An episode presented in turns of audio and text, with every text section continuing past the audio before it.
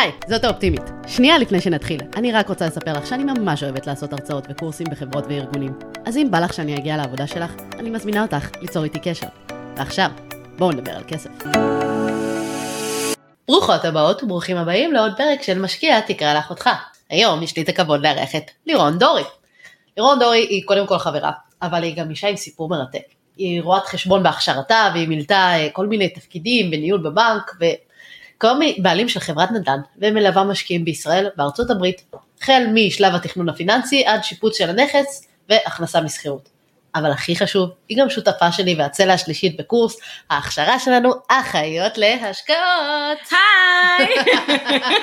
היי לירון, כיף שסוף סוף הגעת להתארח. נכון, הגיע הזמן. ואני לא כל כך שמחה רק בגלל הפינה קולדה שאת הכנסת לי כאן, אלא בכלל, באופן כללי. בואי נעשה רק לחיים, ובואי נתחיל להקליט. התחלנו כבר. אה, עכשיו, כמו שאתם שמות לב בדקה הזאת שהצלחתם להכיר את אה, לירון, אה, ואני גם מכירה אותה כבר שנים, לא הכי טיפוס הכי הגיוני לרואת חשבון. אז לירון, מה, מה עבר עלייך? איך הגעת להיות רואת חשבון? כאילו הדבר שהכי לא נשמע מתאים לך בעולם. תראי, את לא הראשונה ששואלת את הדבר הזה. זה היה, זו הייתה בחירה שהיא נבעה נטו מפחד. כי מה שקרה זה שהייתי לקראת השחרור מהצבא, קניתי את ערכת ההרשמה של אוניברסיטת תל אביב, אמרתי לתל אביב אני אלך, לאוניברסיטת תל אביב זה הכי טוב, מה אני אלמד? לא יודעת. ואז התחלתי לעשות אלימינציה. בזה אני לא אהיה מספיק טובה, בזה אני לא אהיה מספיק טובה, זה לא תהיה פרנסה כאילו כמו שצריך. זאת תפיסות כאילו מאוד מאוד של פחד. אה, קחי בחשבון גם שאנחנו ארבעה ילדים במשפחה, אנחנו שלושה מתוך ארבעה רואי חשבון, אז כנראה הונדסתי לדבר הזה. אם את רוצה לקחת את זה עוד שלב קדימה, בואי נלך קצת בקטע של סטיגמה. אני במקור מרמת גן, חצי עיראקים, רואי חשבון, אז הייתי חייבת לבחור את המקצוע. לא המקצוע בחר אותי. שוב, זה לא הכיוון בכלל, ותאמינו לי, זה לא הפינה קולדה, כי היא רק כרגע התחילה לשתות. אה, אני יכולה לספר ולשתף ככה, שבאמת אה, הפעם הראשונה שאנחנו דיברנו וכשהכרנו, אה, זה כי אני חיפשתי רואת חשבון. והמליצו לי עליה, והיה לי רואה חשבון ממש נוראי, ואני באמת רציתי להחליף, ופשוט באתי והתחננתי שתהיה רואת החשבון, ומה היא אמרה לי? No way. לא הסכימה, לא משנה כמה אופטימית הייתי, היא לא זרמה איתי, והיא סרבה בתוקף, כמו שהבנתם עברה את עולם הראיית חשבון, אבל לפני שהיא עברה את זה היא גם החליטה לעשות איזשהו מסלול עקיפין בבנק, ואם כבר ללכת בבנק אז ללכת לתפקידי ניהול והכל וזה, כי הרי מה הרבה יותר מרתק ומרגש מלהיות רואת חשבון? נכון. להיות עובדת בבנק. לנהל בבנק, זה כמובן, אני פשוט אמרתי זהו, אני רוצה לאכול את החיים שלי כמו סדרה בנטפליקס, לעשות דברים מרתקים אחד אחרי השני. ואז באמת אחרי שהייתי רואת חשבון מנהלת ב-EY, ארנסטן יאנג, אז הגעתי לבנק, לעתודה לניהול סניף, ואז בסוף ניהלתי בבנק. התקדמתי עם התפקידים ועשיתי את העבודה, ניהלתי שם, אגב, אפרופו נדל"ן, מאות עסקאות נדל"ן, שום דבר לא עשיתי לעצמי, זה נגיע בהמשך. אבל ראית את כולם מסביב עושים נדל"ן. וראיתי את כולם עושים כסף, אני עזרתי להם לעשות כסף, כמובן, כי אני זו שמימנה את העסקאות האלה. ואז אני הבנתי שאני חייבת לעזוב, אני הבנתי שאני חייבת לוותר על הקביעות, הייתה לי עבודה מובטחת עד הפנסיה. וקיבלתי קביעות, אני הבנתי... קודם כל עבודה מרתקת. עבודה מרתקת. עם קביעות. שמובטחת לי עד הפנסיה. וזה, אוקיי. עם מעמד והכל, ואנשים אומרים וואו זה יופי, מנהלת בבנק בגיל צעיר. עברתי שם מקרה שמאוד השפיע עליי, של התעמרות. הבנתי שאני לא יכולה להישאר שם יותר. יותר. זאת אומרת, זו הייתה בעיטה שלימים אני הפכתי להיות שמחה על הבעיטה הזאת. באותו זמן אני הרגשתי שאין לי ברירה ואני חייבת לברוח מהמקום הזה ולכן אני התפטרתי. היום אני שמחה כי זה בעט אותי למקומות אחרים, אבל... אבל אז אני מתארת לעצמי שזה היה נורא מפחיד, גם, כלומר כולם מסביב בטח הסתכלו ואמרו, מי עוזב דבר כזה, כלומר היה לך קידומים שהובטחו לך, ושוב קביעות, מי עוזב קביעות. נכון. עדיין את אמרת, כל לא, הסביבה לא שלי חשבה שהתחרפנתי, כולל משפחה, חברים, לקוחות, שלא הבינו איך אני עוזבת. זה, זה שגם אמרת, טוב יאללה אני עוזבת הכל וטסה עם מישהי שהרגע הכרתי באינטרנט לתאילנד, בטוח לא עזר. כן, זה היה גם, שמתי איזשהו פוסט בפייסבוק שאני רוצה לנסוע לטיול שלי אחרי צבא, כי לא היה לי טיול אחרי צבא, הרי הייתי חייבת לעשות הכל לפי הספר. ו... ואנשים כאילו חשבו שזה פיגוע פייסבוק, כן? אף אחד לא האמין שאני אתפטר מהעבודה, פשוט אסע לטיול אחרי צבא, אחרי שכבר יש לי שני ילדים בבית, אז מצאתי מישהי בא... באינטרנט, וטסנו ביחד אה, לתאילנד, שזו הייתה בעצם חוויה משנת אה, חיים מבחינתי. היה טיול נחמד מאוד, אבל בטיול הזה גם הייתה לי אה, תאונת דרכים. כמובן. שוב, מי שמכיר, כמו שאמרתי, לירון היא גם חברה, ואני יודעת שחוש כיבוד סלאש חוש... יש שיר, לזה קלאמזיות, זה לא הצד החזק. יש שיר כזה, מי נתן לך רישיון כן. ילדה? אז אה, בוא נגיד שהמחשתי את השיר ב, ואני איבדתי את הזיכרון, ברמה כזאת שעשו לי אבחון נוירולוגי דרך הוואטסאפ. אה, גיסי בזמנו היה נוירולוג, הגענו לאיזשהו בית חולים שהרופא היה מאוד מאוד צעיר, שום ידע בנוירולוגיה, איבדתי את הזיכרון, לא הבנתי בכלל איך הגעתי למקום הזה, איך קוראים לבחורה הזאת שנמצאת שם, לא, לא הייתי אני למשך כמה ימים, אני בכלל לא הבנתי מה, מה קורה, מי אני, איך הגעתי לעזאזל למקום הזה, וזה היה אחד מהדברים הטובים שקרו לי, את יודעת למה? את מנסה להבין למה, את מנסה כאילו להבין למה. כי אני אומרת לעצמי, לא, זה סידר לי את הראש, זה איפס אותי, גיליתי שיש לי כוחות על. גיליתי שאני יותר ממה שאני חושבת שאני, כי אם את כל הדרך המקצועית שלי והאישית, כל הבחירות שאני עשיתי היו באמת נובעות מפחד, מזה שהיה לי ערך עצמי כל כך ברצפה, שאני לא חשבתי שאני טובה מספיק, לא יפה מספיק, לא חכמה מספיק, זה הוביל אותי ל...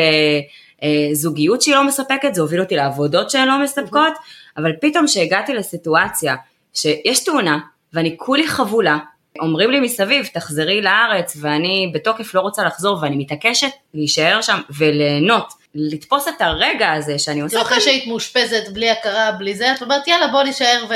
כן בוא נעשה, בוא נעשה fun מה שנקרא, אבל הוכחתי לעצמי שאני בעצם אולי לא כזאת מתבכיינת כמו שחשבתי שאני לפני.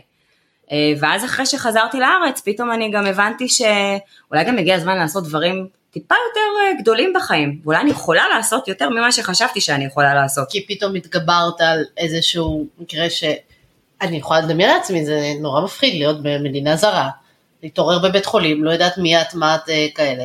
זה לא, את כאילו את מדלגת את זה בקלילות ובצחוק, אבל זה ממש לא מקרה כן. של מה בכך. נכון, זה היה באמת מאוד מפחיד. יש משהו שנקרא לוסיד אינטרוול, שזה שש שעות, שהוא מה, ש... שמה שנקרא מתלוצץ עם רופאיו, אבל בפנים הכל קורס.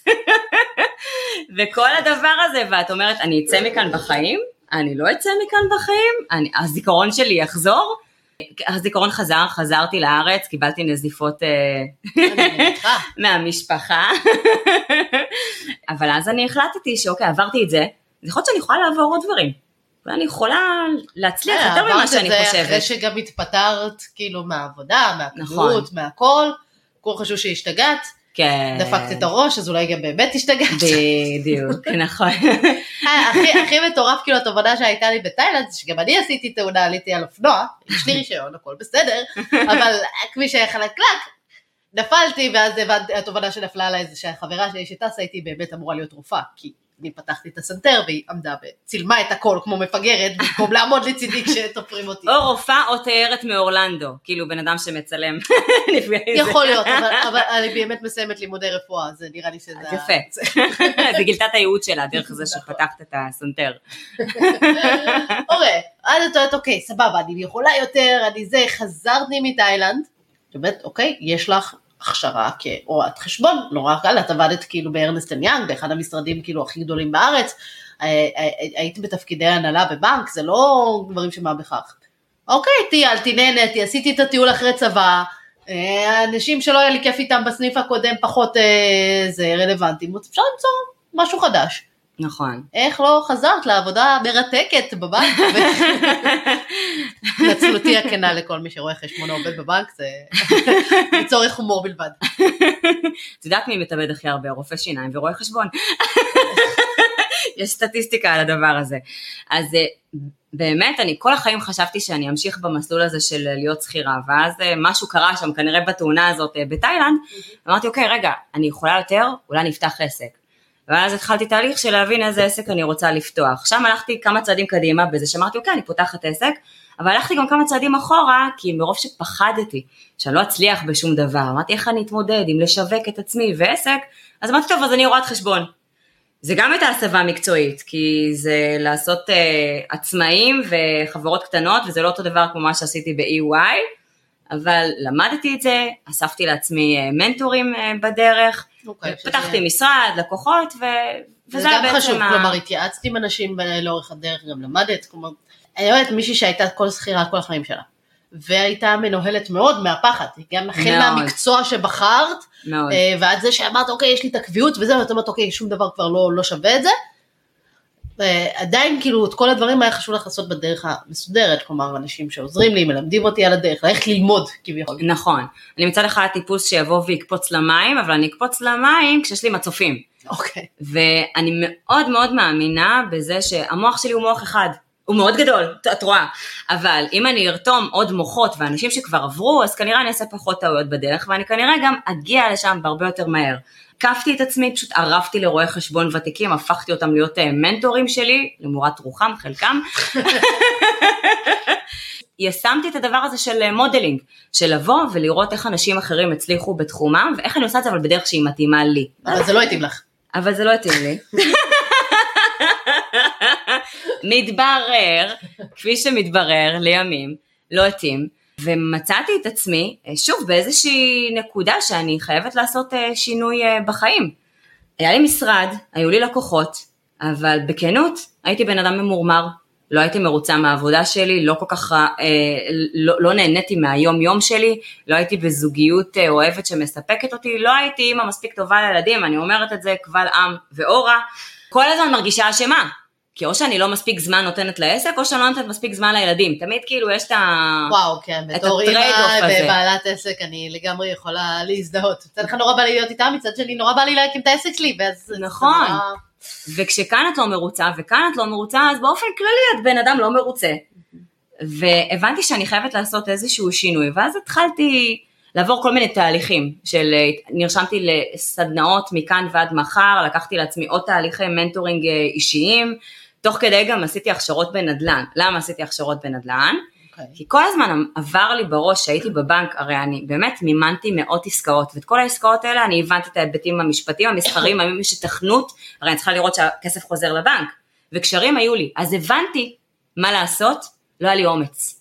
אני באמת, הביציות שלי שקשקו, כאילו במשך שנים הגעת לעולם הנדל"ן, לא הגעת לזה בתור מישהי שיש לה אפס ידע, את גם כאילו את גם באה ואומרת, אני הייתי רואת חשבון, אני מכירה את. רואת חשבון גם באשכול נדל"ן אגב. מה? הייתי רואת חשבון, 아, כמובן. מבקרת חברות נדל"ן, גם חברות תעשיות וחברות נדל"ן. זה כאילו היה סביבי כל החיים שלי, אבל סנדלרית הלכה יחפה, וקיבלה יבלות, תוך כדי שהיא הלכה יחפה. כל הזמן עבר לי בראש, לעזאזל, אני עזרתי לכל כך הרבה אנשים, ועשיתי את זה באמת מתוך מקום של ידע, אבל לעצמי לא עשיתי שום דבר, כי באמת פחדתי. וגם אף אחד לא מלמד אותך באקדמיה איך לעשות כסף לעצמך. מלמדים אותך נכון. איך לעשות כסף למישהו אחר. לעצמך, פחות קריטי. מעניין מי מממן את האקדמיה. מעניין מי עומד. פינת הקונספירציה שלנו. בדיוק. אבל האמת, מה שאת אומרת זה, כלומר, אני חושבת שזו נקודה מאוד חשובה, כי הרבה פעמים כשאני מדברת עם אנשים, למה אתם לא משקיעים, למה אתם לא עושים השקעות, למה אתם זה, הם אומרים לי ידע. אין לי את הידע, אין לי את זה. עכשיו, בסוף זה פחד. נכון. Okay, אוקיי? זה לא באמת מחסור בידע, כי וואלה חבר'ה אפשר ידע במלא דרכים. ידע נגיש. אתם מקשיבים כרגע לפודקאסט, יש פה הרבה ידע, אתם אה, מקשיבים, כאילו קוראים בלוגים, קוראים זה, מצטרפות לאחיות להשקעות לקורס שלנו, אפשר לעשות נכון. המון דברים, אבל זאת אומרת, גם אם היה לך את כל הידע, ואני פוגשת הרבה אנשים, כלומר, תסתכלו על רוב הבנקאים, רוב הרואי חשבון, רוב זה, הם יודעים הרבה, הם לא אנשים עשירים. רוב האנשים okay? אוקיי? שמתעסקים בכסף, גם אנשים שמתעסקים בנדל"ן, כאלה. עורכי דין לנדל"ן, יש הרבה עורכי דין שלא עשו עסקה בעצמם, עשו רק לאחרים, יש המון כאלה. יש אחרים, אגב, שכן עשו. יש הרבה יועצי משכנתאות שלעצמם לא עשו. זאת אומרת, הרבה אנשים סביב הדבר הזה, אבל לא עושים לעצמם, ואני הייתי אחת מהם. ושוב, גם אצלך הידע היה מאוד מאוד מקיף, כלומר מכל ההיבטים, גם הפיננסי, גם ההיבט המשפטי, ההיבט הפיננסי, ההיבט המיסויי, זאת אומרת כל הדברים האלה, אבל באמת מה שהיה חסר לי זה, זה האומץ לעשות את, ה, את הצעד. זה לא היה פחד רציונלי, כן? כי אני ראיתי בעצמי את הכסף בא ונכנס. אני, זו עסקה שאני מימנתי, אני ראיתי את כלומר, הכסף את רואה חוזר. כל הזמן אישור שזה עובד, בדיוק. ואת יושבת לך בבנק ואומרת, אוקיי, יש לי את העבודה הקבועה, יש לי את הקביעות, יש לי את ההכנסות, יש לי את זה. אני יכולה לעשות את זה? ואני חושבת שאני לא יכולה לעשות את זה כי אני לא יודעת מספיק, זה מה שחשבתי בבנק. כי אין לי מספיק ידע, כי אין לי מספיק כסף, כי לא באתי ממשפחה עשירה, וכי אין לי מספיק זמן. למה? כי משום מה סדרי העדיפויות שלי היו מטומטמים, שאני צריכה לעבוד שעות נוספות אה, בבנק, ואז פה ושם קצת להיות עם הילדים וגם ככה לא ליהנות מזה, אבל לבטח את עצמי כלכלית, אה, אין לי זמן. אני אעשה את זה כשיהיה יותר זמן בעבודה, כשהילדים יגדלו, כשחזירים יתחילו לעוף. מה, מה, מה שאני רוצה להגיד בסוף, זה הכל תירוצים. נכון. אוקיי? זה, זה נורא חשוב לי שתבינו את, את הנקודה הזאת של לירון, כי היא גם באה ואומרת את זה חד משמעית, הכל פה זה תירוצים. אז הרבה אנשים בא נורא, נורא קל ללכת על הקטע של הידע, אבל אני אומרת, תחשבו על באמת האנשים ה- ה- שאתם מכירים, אולי פחות מעולם ההשקעות, אבל כן העורכי דין, הרואי חשבון, הבנקאים, יש להם כנראה יותר ידע פיננסי מכם, לפחות בתחום שלהם. אבל רובם לא בהכרח אנשים עשירים, נכון. תדברו איתם, כלומר דיברתי עם הרבה בנקאים, זה, רובם לא ידעו איך אה, אה, אה, לאכול אותי, אני חושבת שאולי חוץ מרעות נגר, שהייתה בפרק מספר 2, אה, אז אה, רובם לא ידעו בכלל מה, נכון. מה לעשות עם משקיעים ואיך לדבר איתם, והם לא מבינים מה פתאום אני בכלל רוצה כאילו להעביר את הכסף להשקיע בחו"ל וזה. היו בכיף מביאים לי הלוואה לטיסה לחו"ל, אבל הלוואה לדירה, בדיוק. אה, לקנות דירה בחו"ל זה נכון. לא, זה מסוכן מדי. לבזבז את הכסף בשופינג בחו"ל, זה בסדר. אבל לקנות לך משהו, שזה יהיה הפנסיה שלך, זה מסוכן. עכשיו, וזה אגב, גם מה שהם חושבים. וזה מה שאני חשבתי. אפילו שראיתי הוכחות בעיניים שלי. וזה מה שחשבתי. אז אני אמרתי, אוקיי, במסגרת כל ההכשרות שאני עשיתי, שזה היה גם עשיתי master NLP והמון סדנאות ותהליכי mentoring, אמרתי, אוקיי, אני, אני רוצה את הידע שהיה לי בנדל"ן, אני רוצה עכשיו לעשות אותו ברגליים. והתחלתי ממש ללמוד נדל"ן בישראל, וללכת ולדפוק על דלתות, ולהביא לידים על נכסים נטושים, ודירות אה, ירושה ודירות אה, גירושין, וממש כאילו ברחוב, הייתי הולכת ברחוב עם נעלי אה, ספורט, עם דורדורנט אקסטרה, כי מזיעים, זה לא כזה סקסי נדל"ן כמו שחושבים, זה מסריח, כי מזיעים. ו... ואז אחר כך גם שילבתי נדל"ן ארצות הברית, כאילו ממש אמרתי, אני, אני רוצה ללמוד את הכל, לעבור את כל ההכשרה, להצמיד ושוב, לי היה לך את הידע ועדיין החלטת שאת רוצה ללכת לעשות קורסים וללמוד. בדיוק, נכון, כי, כי הבנתי גם שאני ב state of mind אחר, שאז הייתי ב state of mind של פחד, עכשיו שאני במקום טיפה אחר בחיים, וטיפה התקדמתי, הבנתי שעכשיו אני אסתכל על הדברים בצורה אחרת, ואני אני אוכל גם ליישם אותם, והבנתי גם שאם תהיה לי מסגרת לימודית, ואנשים מסביבי, אז הבנתי שיהיה פחד, תמיד. אני לא עכשיו הענק הירוק, כן? אני מטר 55, יש פחד, אבל לפחות אם יש אנשים מסביבי, סביבה תומכת, אז אני, אני, ואם כולם באותו state of mind, אז אני כן אתגבר על הפחד, ואם בדקתי את הכל ורציונלית הדברים עובדים, חותמים. פשוט ככה. וזה מה שעשיתי, וככה התחלתי לעשות נדל"ן, בהתחלה עשיתי רק לעצמי. אני חושבת שעוד נקודה, מה שזה מראה, מה שאת מתארת, אה, זה לא בהכרח שוב הידע, זה גם האנשים שהקפת את עצמך. כי את בבנק כל פעם היית מקיפה את עצמך באנשים שאומנם עשו עסקאות וכאלה, אבל הם לא ראו אותך כשווה, אלא כאיזושהי עובדת שלהם או זה. כשאת לא, הולכת ולומדת עם מאוד, הקורסים, היה איזה אחד לקוח שהיה מנשק לי את היד. הוא הכניס אותך לעסקאות, אמר לך להיכנס. לא, הם, אבל הם באמת הסתכלו עליי כעל הגורם המממן, לא כעל אה, שותפה או כאיזה פיר או משהו כזה, והסביבה האמיתית שלי, שזה נגיד החברים דאז ושאר העובדים בבנק, זה לא אנשים שהם אה, ב state of mind של לייצר כסף והשקעות ולדאוג לעצמך כי המדינה לא תדאג לך וכי העבודה לא תדאג לך עד הסוף, זה, זה לא היה זה. כן, כי את היית מוקפת במשקיעי נדל"ן, מוקפת מכל אה, אה, אה, כיוון, ועדיין זה לא עזר כי זה לא היה אנשים שהרגשת שהם איתך או באותו level באותו מקום. הם לא היו ו- הסביבה הקרובה שלי, זה לא היה מעוגן באיזושהי מסגרת שאנחנו כל הזמן פועלים ביחד, כל אחד למען מטרה משותפת ואינדיבידואלית. ודווקא כשכן הלכת לקורס ולמדת אמנם דברים שאולי הכרת ואולי אה, זה, אבל פגשת עוד אנשים שעושים איתך את הדרך. כלומר. שהייתם יותר שווים בין שווים ואולי אפילו להפך, דווקא הידע שלך במימון והידע שלך ב, אה, אה, כאילו בעסקאות נדל"ן, כאילו נתן לך פה איזשהו יתרון עליהם. נכון, ואני חושבת שזה כל כך מראה את, הקו- את הקונספט של סביבה שהיא מקדמת, נכון. ואנשים שאנחנו מרגישים באותו לבל, בגלל זה אנחנו יצאנו עם הקורס של אחיות להשקעות כדי באמת בדיוק. לתת סביבה שלא להגיד אה נו אבל הוא גבר הוא גדר במשפחה של נדל"ן הוא ככה זה, אלא נכון, ממש נשים שעוזרות אחת לשנייה לעשות נדל"ן, ממש כי ככה. אני מאמינה וגם את וגם טלי, אה, כן. כולנו מאוד מאוד מאמינות בנושא של סביבה מקדמת שתהיה לנו, ואת אומרת, אצלך זה עשה את השינוי, כי את, את היית בסביבת נדל"ן, היית עם נכון. הידע, היית עם הכל, ועדיין היה לך את הפחד הצד, לי, ויש המון. היה לי את הידע, היה לי את הזמן, לא הבנתי שיש לי את הזמן, זה הייתי צריכה לעבור תהליכים ולהיות בסביבה תומכת כדי להבין שיש לי את הזמן ושסדר העדיפויות שלי צריך להשתנות. אני חשבתי שאין לי כסף, הייתה לי פרדיגמה. אני ראיתי כמה כסף צריך ועדיין הייתה לי פרדיגמה שנדל"ן זה לעשירים ואני, איפה אני, נולדתי ברמת עמידר, בואי, אני באה מהשכונות, כן? עדיין שכונות של רמת גן, אבל השכונות, בסדר. אז, אה, אה, ואחרי שעוברים ונמצאים בסביבה הנכונה, מבינים שיש מספיק כסף בשביל להתחיל ולעשות. ואם אני לא אעשה כלום, אף פעם לא יהיה לי כסף, אני אשאר באותה רמה. רק אם אני אתחיל, רק אז אני אוכל לייצר יותר. אז הבנתי שאני חייבת להתחיל. התחלתי קודם כל בשביל עצמי ובשביל הבית שלי. אוקיי, שזה מעולה, כלומר כבר עשית את ה... התגברת פה על כל כך הרבה מחסומים אה, מנטליים, כלומר גם הלכת לכיוון של אה, להיות אה, אה, עצמאית ו- ויזמת, והורדת את העבודה במשרד הרואי חשבון. אגב, אפרופו זה השלב שבו אני ניסיתי להפוך אותה ל... בגלל זה לא רציתי אותך, כאילו בואי, זה לא משהו אישי נגדך, את חייבת להבין. אולי זה כן היה קצת אישי נגדך. איי, איי, לא קיבלת אותי כלקוחת רואת חשבון, תקבלי אותי כשותפה עסקית. בדיוק. אבל כן, הבנתי שאני חייבת לשלם איזשהו מחיר.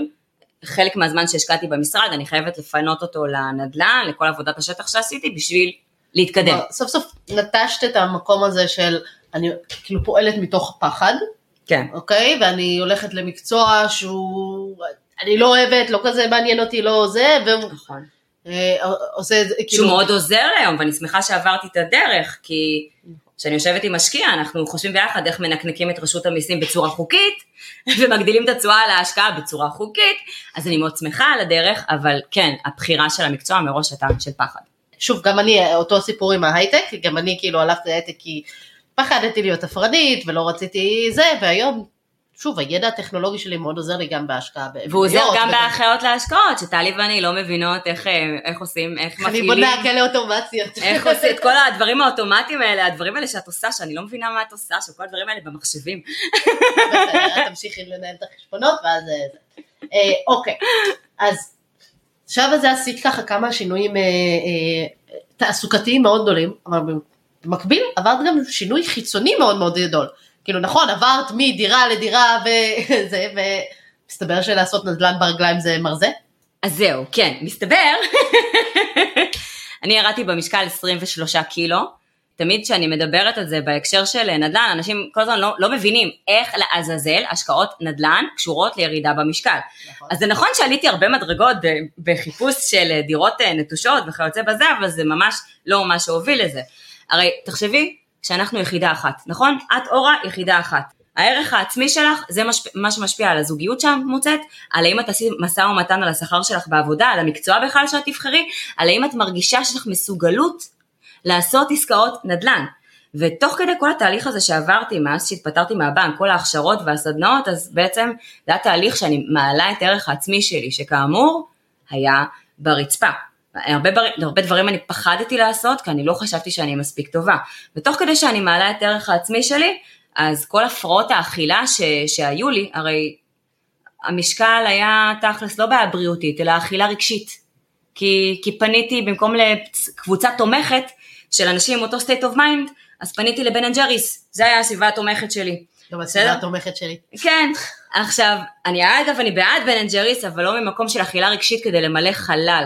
וכשהבנתי שאני יכולה לעשות דברים ואני שווה, ושאני חתמתי על העסקה הראשונה, שאגב גם שם אני שקשקתי, רעדתי, כאבה לי הבטן במשך שבוע, אבל פתאום חתמתי על העסקה הראשונה, פתאום יש צ'ק ראשון של שכירות, ופתאום את מבינה, אני עשיתי את זה.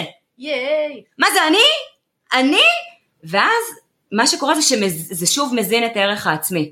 וזה התחיל לנטרל לי את האכילה הרגשית, ופשוט ירדתי במשקל והתחלתי לעשות גם אה, ספורט, אכלתי יותר שאני רעבה, פחות מ... לא, את אומרת את זה בקטנה, ירדת במשקל, ירדת מעל איזה 20 קילו, זה לא איזה, כאילו ירדת קילו שניים. אה, שנועה, הבת שלי נועה, שהיא רואה תמונות שלי מאז, היא אומרת, אמא זה נראה כאילו אכלת את עצמך. כי גם אני מטר חמישים וחמש, תחשבי ש-23 קילו זה לא מתפרס על מטר שמונים בלונדינית, נכון? זה כולה ברונטת מטר 55, זה הרבה על כל סנטימטר. אז הנושא הזה של הערך עצמי, כלומר, אני חושבת שזה גם קשור לנושא של הפחדים והכל, אבל כשיש לנו את הערך העצמי הנמוך, ואנחנו לא מאמינות שאנחנו יכולות, ואנחנו לא מאמינות שזה אפשרי, אז אנחנו גם לא נעשה, ולא לא, לא נתקדם ולא נפרוץ, ואת, כלומר, את לאט לאט פרצת לעצמך הרבה מאוד מחסומים, והמשקל, כאילו, זה, זה נורא מצחיק אותי שכאילו המשקל היה על הדרך, זה לא היה תכנון שלך עכשיו. נכון, זה היה בעצם תוצר לוואי של ההתעסקות שלי בנדל"ן, כי ככל שעשיתי עוד ועוד, כל דירה שאני דפקתי לה בדלת ונכנסתי כדי לראות אותה ולעשות חקר שוק, שזה גם, זה דורש הרבה, סתם להיכנס, לדפוק על דלתות וכאלה, לבוא ולקחת הלוואה, שאני הייתי עובדת בנק ולא לקחתי הלוואות מימיי. אה, לקחתי פעם משכנתה על בית, אבל בתפיסה, ש... בתפיסה של כולנו, משכנתה זה לבית, זה משהו אחד, הלוואות זה משהו אחר. פתאום עוד צעד ועוד צעד ועוד צעד, ו... ו... והמשקל פשוט ירד תוך כדי הדרך, בגלל שהערך העצמי שלי עלה. בקיצור, הנקודה שאני מנסה להעביר, נדל"ן זה מרזה. נדל"ן זה מרזה.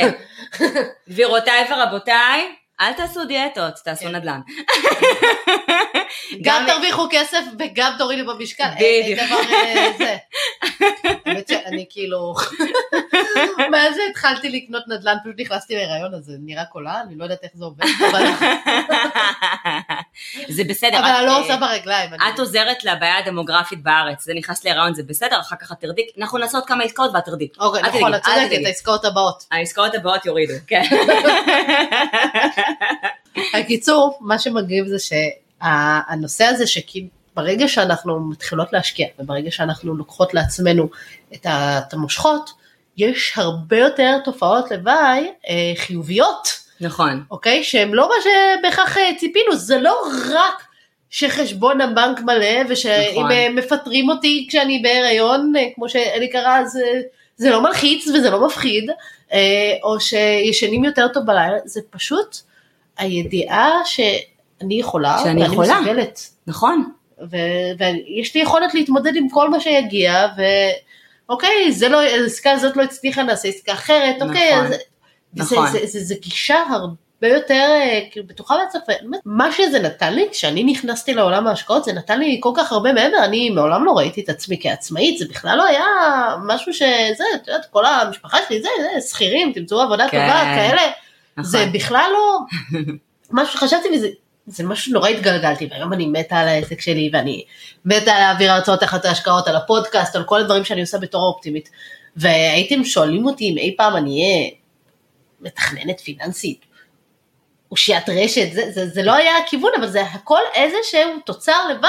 נכון. של תהליך ההשקעות שפשוט בונה כל כך הרבה יותר נכון. מכסף בבנק. נכון. תמיד נגיד שאני מדברת על ההקשר בין ה... מה שקורה לנו אישית בין הנדל"ן, אז יש הרבה אנשים שלא ממש מצליחים להבין איך זה שנגיד עשיתי עסקה, פתאום אני רץ טריאטלון, או משהו כזה, או עושה מרתון, או איך זה, אז פתאום עכשיו אני מוצאת זוגיות, או דברים כאילו מהסוג הזה. כי שוב אנחנו יחידה אחת, עשיתי משהו, התגברתי על איזשהו פחד, התקדמתי בחיים, אז כן, זה ריפד את חשבון הבנק.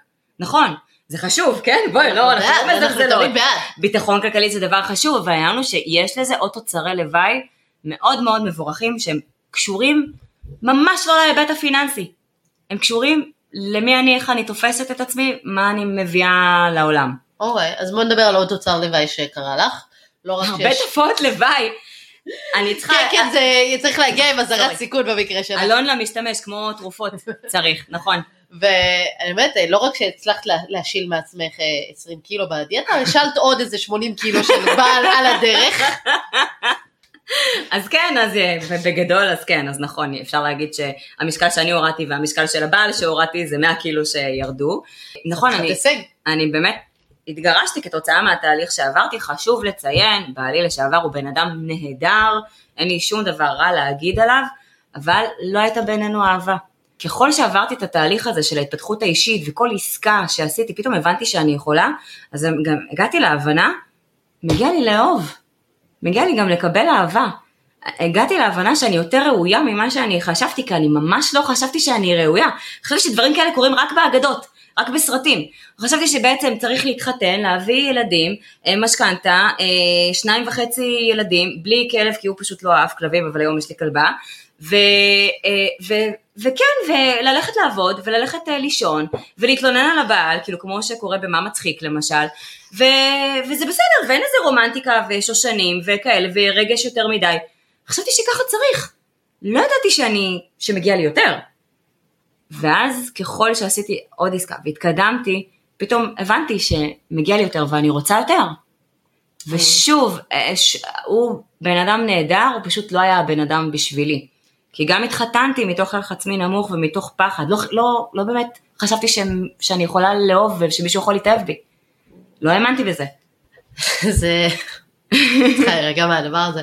זה באמת אה, תהליך אה, מאוד משמעותי, כי את גם עושה את העבודה התפתחות על עצמך, ואני חושבת שאני רואה את זה ככה לא מעט מסביבי, כשרק צד אחד עושה את התהליך, והצד השני נשאר במקום, אז כלומר את באת ואומרת אוקיי אני אתקדם קדימה ואני אפרוץ את הגבולות ואני אעזוב עבודה שלא טובה לי ואני אקים חברה והחברה תצליח אבל זה החליט שזה לא טוב לי אז אני אקים גם עסקאות נדל"ן ואני אבטיח את העתיד שלנו ובאיזשהו מקום הוא, הוא גם, הוא, הוא נשאר עדיין הוא במקצוע שלו, במקום שלו ו... כלומר צריך, אני חושבת שאולי אחד הדברים החשובים ואחד הדברים שבאמת אה, עזר לי גם מאוד בזוגיות שלי והכל שעשיתי איתו הרבה ביחד. כלומר, זה מדהים. כל התהליך של ההשקעות וכל האופטימית זה אני, אבל התהליכים של ההשקעות, הבחינה של עסקאות, קורסים גם שעשינו ביחד, וזה יצר לנו את השפה המשותפת, וזה נכון. באמת יצר לנו את, את, את האפשרות להתקדם ולהתפתח גם כזוג ולא רק בנפרד. נכון, מדויק. בגלל זה אגב שמגיעים אליי לתהליך ליווי, נגיד מגיע הגבר והוא נשוי, אני מתעקשת שהוא יביא גם את אשתו. נכון. אם מגיעה אישה, אני מתעקשת שהיא תביא את בעלה. כי ברגע שעושים ביחד יש מטרה משותפת, כל משק הבית רתום לאותה מטרה ומדברים באותה שפה. אז זה לא כאילו שאחד עושה והשני לא עושה. ונגיד אצלנו, יאמר לזכותו באמת שהוא נתן לי את הרוח הגבית ושמח על התוכנית הפיננסית שהכנו לשתינו, ו... אבל אני הרגשתי מאוד לבד בתהליך. ולא היה לי באמת עם מי לדבר, הייתי ממש לבד. וזה עוד יותר ייצר פער, ועוד יותר, זה היה ממש אקסלרטור למה שכאילו הייתי צריכה להבין כבר לפני הרבה הרבה שנים, וגם לא היה לי אומץ להבין את זה, שאנחנו צריכים אה, למצוא דרכים אה, נפרדות, וכל אחד עם ההתפתחות שלו במקום שלו. אה, ואז התגרשנו. ברגיל. כן, באהלן אהלן, כאילו, את אומרת. אה. באמת, אוקיי, אז עשית את כל התאריך הזה, התגרשתם, ופתאום אה, כל התוכנית אה, הפיננסית שבנית, ואמרת, אוקיי, אני אתחיל להשקיע בנדל"ן, ואני זה וזה, ואני יודעת שיש לי את השכר שלו, ואני מורידה, מורידה בהסכם ראיית חשבון, פתאום, כאילו הכל חצי חצי, פתאום אין איזושהי הכנסה גבוהה, בדיוק. של ראיית חשבון פחות יורד, ובדיוק התחלתי מאיזה עמוד נדל"ן, וכל התוכנית שבנית הלכה לפח. בדיוק, נכון. אני התגרשתי בעיתוי שהכי לא היה נכון לי כלכלית, כי באמת התחלתי להוריד לקוחות מהמשרד, הורדתי את ההכנסות כדי להגדיל את הנדל"ן, הנדל"ן עוד לא התחיל להכניס כסף כמו שצריך, ואני כאילו נמצאת באיזושהי סיטואציה שאני בניתי תוכנית פיננסית שמתאימה לשניים והכנסות לשניים, ופתאום ברגע אחד אני מחליטה להתגרש, מה זה ברגע אחד? זה משהו שהיה לי בלא מודע כבר הרבה שנים ופשוט עזרתי את האומץ, אבל הבנתי ברור, שלא משנה מה. חתיכה, הורדת במשקל, ואת אומרת יאללה, זה הזמן להתגרש. כן, זה נראה כאילו תכננתי את זה אה, מראש, אבל זה באמת תולדה של, ה, של התהליך. והבנתי שלא משנה מה, אני חייבת להיות במקום שאני ארגיש טוב עם עצמי, כי עכשיו אני בתאונה כלכלית, כן? אני הולכת, נתקעת כאילו עם הראש בקיר, עם, כן, עם הגירושין. כן, פתאום אין הכנסה. נכון, אין הכנסה. ו... אבל הבנתי שאני חייבת לעשות את זה בשביל עצמי ושאני אצמח משם. אבל זה היה מאוד מאוד קשה, זה היה ברמה כזאת שאני רגילה ליציבות בחיים. יש הכנסת משכורת, יש לי את העסק, מה שהתחלתי לעשות כאילו את ההשקעות וזה. להיות עצמאית פתאום, ויזמת נדל"ן זה יכול להיות הכי לא יציב שיש.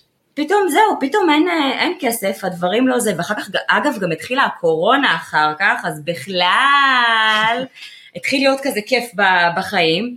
ואני מוצאת את עצמי, אני לא יודעת איך אני גומרת את החודש. ולוקחת אה, פה ושם כמה תכשיטים שהיו לי, כאילו עם יהלומים וכאלה, והולכת בשוק נתניה ומוכרת את התכשיטים. ואני אומרת, אני מבחינתי, אני צריכה כל שקל. וכל שקל שהולך להיות לי עכשיו, זה יהיה נטו לצרכים הבסיסיים, וכל שקל שיהיה לי, אני שמה אותו בהשקעות. אין כאילו אופציה אחרת. ושילמתי הרבה מחירים, גם כלכליים, אבל, אה, ו- והלכתי ולקחתי הלוואה, ומתי שכולם ברחו מהשוק, כי חשבו ש- שהנדל"ן יקרוס, כי זה מה ש... עדיין חושבים ככה. עדיין חושבים כל הזמן, חושבים שהנדל"ן יקרוס, משבר כלכלי זה תמיד מייצר איתו הזדמנויות, צריך לבחון איזה הזדמנות, אגב אם מישהו קורא לזה הזדמנות זה בדרך כלל שרלטנות, אבל זה באמת ככה, בדרך כלל במשברים כלכליים אפשר לייצר עסקאות, ואני פשוט יצאתי לשופינג. של נכסים, לא של נעליים, או תכשיטים.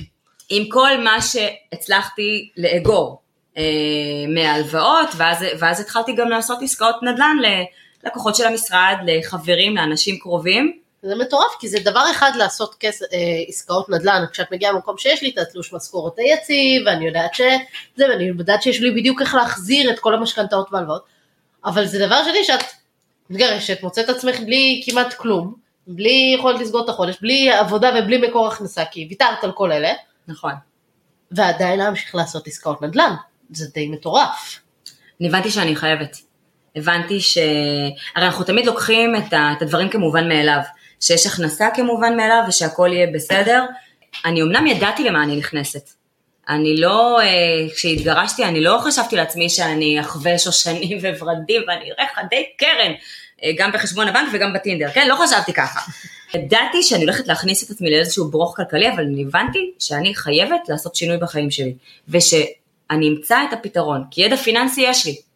ברגע שהבנתי את זה, אמרתי, אוקיי, ידע פיננסי יש לי, כבר עברתי כמה משוכות, הוכחתי לעצמי שאני יכולה לעשות כל מיני דברים, אני אמצא את הדרך, אני אבנה לי תזרים מחדש, אני אעשה את מה שצריך לעשות, ואני אגיע. את איכשהו הצלחת לעשות את מה שהרבה כאילו, בוא נקרא, אני לא רוצה לקרוא להם שרלטנין, אבל מבטיחי הבטחות באוויר, את אומרת עשיתי נדל"ן בלי הון עצמי, בואי נדבר על זה רגע. כי את יודעת, אוקיי, התגרשתי, מצאת עצמי בלי כאילו הכנסה, בלי פה, בלי שם. איך עושים נדל"ן בלי הון עצמי? אני אתן לך תשובה שהיא הכי לא סקסית שיכולה להיות, וזה בדיוק מה שאת יכולה לצפות מרואת חשבון.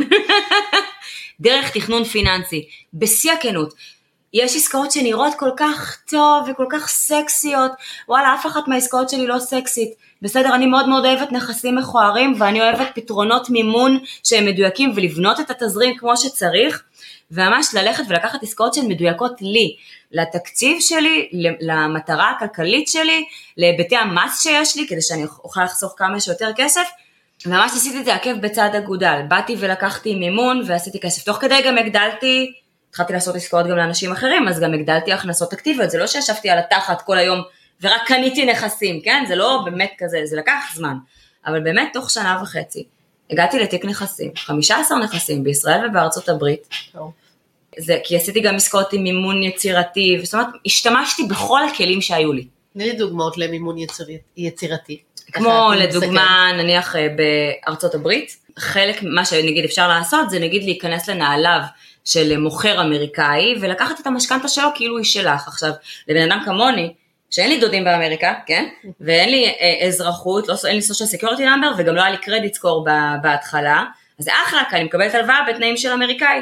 אז איזה יופי, לא הבאתי יותר מדי הון עצמי, וההלוואה, כאילו מבחינת תזרים נשאר לי מספיק כסף, זה עושה שכל.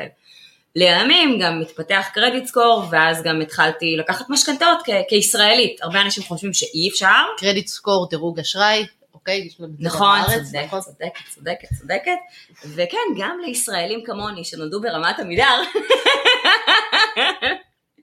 גם הם יכולים לקחת uh, מימון ואז להגדיל את תיק הנכסים שלהם. עכשיו אני אומרת את זה עם הסתייגות, כשאנחנו לוקחים מימון צריך להיזהר עם זה. וצריך. לבנות את התזרים, צריך שיהיה לנו מספיק מרווח. ברור, כל אלה שלקחו משכנתאות כאילו לפני שהיה שנתיים כאילו אין מחר, והלוואות וזה, היום... בדיוק, אה, נכון, תמיד צריך לבנות את התזרים ולהיערך לבלת"מים, כי בלת"מים תמיד יהיו. אין שום דבר מושלם, אין דבר כזה תשואה מובטחת ואין דבר כזה אה, משהו בטוח או השקעה שהיא בטוחה, לשים את הכסף בעו"ש זה לא בטוח, כן? אין שום דבר בטוח. בדיחה של רואה חשבון, רק מוות ומיסים זה בטוח, כן. נכון. גם שם אפשר לעשות מיסוי יצירתי. בדיוק, וגם פתרונות מיסוי. אז ככה נוחתים בכלא, אבל כן. לא, אבל באמת, גם להשתמש בידע גם כדי להוריד את המיסים, זה גם חלק מהכסף שאנחנו לא משלמים לרשויות ונכנס אלינו. נכון, בצורה חוקית, בצורה חוקית.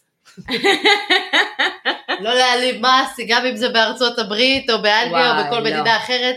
עדיין מדינת לא. ישראל דורשת חובת דיווח. לא להעלים יש- מס, כי תכלס בן אדם רוצה לישון בשקט בלילה. נכון. לא רוצים לחשוב ש, שמישהו יבוא ויבדוק אותנו יום אחד, ואז אחר כך אה, נהיה ב, אה, אה, בחקירה. אה, במשרדי מע"מ, במשרדי רשות המיסים. לא, יש דרכים חוקיות. רק צריך לחשוב על זה מראש ולתכנן את זה כמו שצריך. אוקיי, עכשיו באמת בכל התהליך הזה שאנחנו מתארות נורא בקלילות, אבל הוא כלל הרבה מאוד חוויות מאוד קשות, כאילו החל מעיבוד הזיכרון וההכרה ועד, לגירושים ולעזוב את האבא של הילדים שלך, זה שינויים מאוד מאוד קיצוניים. מה לדעתך עזר לך אה, להתמודד עם דברים כל כך קיצוניים בחיים שלך? שחלקם את יצרת, אבל עדיין. נכון, אבל נכנסתי אליהם ביודעין, אגב, כי הבנתי שבסוף אני כן יכולה משהו יותר טוב. אני לא הייתי מצליחה לעשות את מה שעשיתי אם לא הייתי מחליטה שאני הולכת ועוטפת את עצמי באנשים שיש להם מטרות משותפות ויש להם את, אותה, את אותן תפיסות ואותו state of mind. כי ברגע שאני נמצאת יחד עם אנשים שבעצם כל הזמן מדברים רק על אה, איך עושים את החופשות הכי אינסטגרמיות ודברים כאילו מהסוג הזה, והם לא חוש... אין להם אה, שום אה, מודעות כלכלית, אז מן הסתם ההתנהגות שלנו נהיית דומה. אבל ברגע שאני באתי ואני שילמתי למלא אנשים שילוו אותי גם באופן אישי, וידעתי שכל שקל שאני מוציאה, הוצאתי כספים גם כשבאמת הייתי בדוחק ולא יכולתי להוציא. כי הבנתי שאם אני לא אוציא את הכסף הזה, אני אשאר באותו מקום. אמרתי, יש לי ידע, אני רוצה להרחיב אותו, אבל אני חייבת עוד מישהו שגם יעזור לי עם הידע שלו, וגם שילווה אותי, שמתי שאני נעצרת כתוצאה מפחד, שהוא יעזור לי לשקף לי שאת יכולה להתקדם. הכל בסדר, תתקדמי. ופשוט התחלתי לעטוף את עצמי גם ב, ב, בסביבה שהיא תומכת, באנשים שעושים את אותו דבר כמוני, וכל הזמן במנטורים. כל הזמן. עד היום אני ממנטרת יזמים, ועדיין לי יש מנטור. תמיד. וזה אני חושבת שזה זה בעצם, זה הסוד. תמיד שיהיה בעצם מישהו שעוזר לך, ואת עוזרת למישהו אחר. אם את עוזרת למישהו אחר, את חייבת להיות walk the talk, נכון? נכון. את לא יכולה לבוא ולהגיד לו, תקשיב, בוא תשקיע את הכסף, אבל אח שלי, אני לא משקיעה את הכסף. אני, אני הולכת, אני נוסעת עכשיו אה, לחופשה במקסיקו, אבל. השקעות אני לא עושה. כזה. אה, אוקיי, לא, לא, לא מקסיקו כזה התכוונתי. עשיתי את כל זה ובעצם מה שאת אומרת שמה שעזר לך מאוד זה אה, סביבה תומכת. כלומר נכון. אנשים שיהיו לצידך ויעזרו לך אה, זה, או במילים אחרות תצטרפו לאחיות להשקעות. בדיוק. לא, אבל זה באמת נכון. הרי למה אנחנו יצרנו את התוכנית הזאת? כי אנחנו, הבנו, כל אחת עם הסיפור האישי שלה. הבנו כל אחת שברגע שאנחנו כן הקפנו את עצמנו באנשים, ראינו שאנחנו יכולות יותר, כל אחת, גם את, גם אני וגם טלי. כולנו ברגע שהתחלנו להקיף את עצמנו באנשים, אז התפתחנו בהרבה יותר. גם אגב, התוכנית הזאתי, שהרבה זמן היה לי בראש שאני רוצה, שאני רוצה אה, לעשות אה, תוכנית ללימודים פיננסיים לנשים. האם היא יצאה לפועל? לא. רק ברגע שחברנו ביחד, אז, נכון. אז זה כאילו זה יצא, כי זה ביחד, את לא לבד.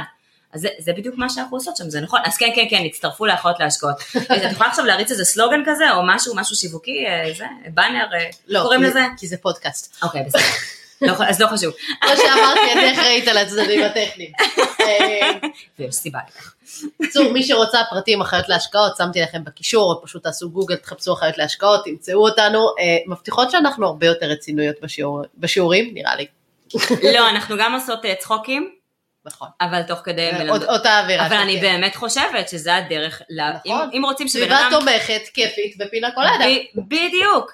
הרי אם המטרה הייתה סתם ללמד ש- שמי שתבוא ותרשום ולא תעשה עם זה כלום, אז היינו יכולות להעביר את זה. בצורה יבשה, אבל אני חושבת שזה חלק, זה חלק מהקסם. באמת, אחת מהסיבות שקראתי לעצמי אופטימית, זה כדי לקחת את הנושא הזה של כסף, של ופיננסים וזה, ולעשות אותו מקליל, נכון, וכיפי, נכון. וכאילו, בכיף, כי כי זה יכול להיות ככה, באמת. זה, זה באמת יכול להיות. ולקבל הכנסה מ- משכירות, ופתאום כזה לקבל אימייל נכנס לך כסף לחשבון, ולראות זה בכסף חשבון בנק ונראה לי שנכנס לי איזה דיבידנד, או שחוזר לי כסף מאיזושהי השקעה, וואו, זה כיף, זה כיף, איך, אני- איך בריטני ספירס אמרה, oops, I did it again.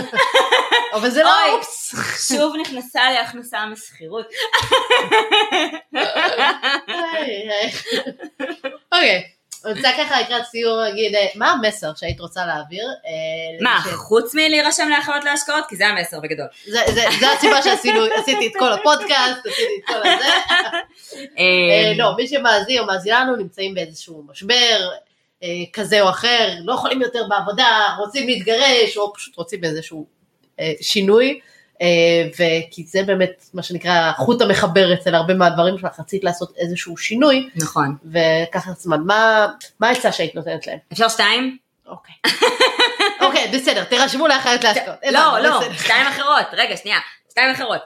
אה, אחת זה בעצם כל מה שאת חושבת על עצמך, תביני שאת יותר ממה שאת חושבת על עצמך. עכשיו, זו הבעיה של מרבית האנשים ומרבית הנשים.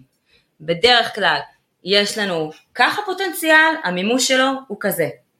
וזה קשור למה שאנחנו חושבות על עצמנו. אז אם אני רוצה להתגרש, אבל חושבת שאני לא אמצא זוגיות, תחשבי שוב. אם אני רוצה לעשות השקעות, אני חושבת שאני לא אצליח, תחשבי שוב. את יותר טובה ממה שאת חושבת. והדבר השני, כל הזמן להקיף את עצמך באנשים שרוצים את אותם הדברים ושהם באותו state of mind. כי לבד זה באסה, הרבה פעמים לא מגיעים, וביחד זה הרבה יותר כיף, הרבה יותר מצחיק, עוברים ביחד את המשברים ואת האתגרים ומגיעים יותר רחוק. וזהו, הנה לקחתי שניים במקום אחד, ראיתי שניים במחיר אחד. מהמם. אז אה, לירון, אה, מה זה כיף שהיית פה ובאת ויצא לנו, יצא ללמוד עליך הרבה יותר ממה שדמיינתי אי פעם בשיחה אחת. אה, אני מקווה שגם אתם הפקתם ערך, כי באמת הסיפור של לירון כולל בתוכו הרבה, בלי קשר תמיד כיף לדבר איתך. אז תודה שהיית. פרה עלייך. תודה שהזמנת אותי, היה לי מה זה כיף. טוב. תמיד כיף לי, אני אוהבת לדבר נעמי. נכון, כאילו. אז אתם, אה, מי שמעוניינת, כמו שאמרתי, פרטים, אחיות להשקעות, שמתי לכם קישור למטה, חפשו אותנו בגוגל, ומי שלא, אנחנו באמת אה, נתראה בפרק הבא אה, של משקיע תקרא לאחותך. להתראות. ביי. תודה רבה שהאזנת למשקיע תקרא לאחותך. להמשך העשרת הידע הפיננסי, אני מזמינה אותך לקרוא בבלוג, להירשם לערוץ היוטיוב ולקורסי ההשערה של האופטימית, וגם להצטרף לקבוצת משקיעים בדרך לעצמאות כלכלית בפייסבוק. אגב, מחקרים מראים שפרגון משפר את המצב הכלכלי. כן, כן, דירוג הפודקאסט או עמוד האופטימית בפייסבוק יאפשר לך גם לפרגן וגם לעזור להעביר את המידע הלאה. כל הכישורים שדיברנו עליהם נמצאים בתיאור הפרק, אז בלי תירוצים, הגיע הזמן למעשים. נתראה בפרק הבא.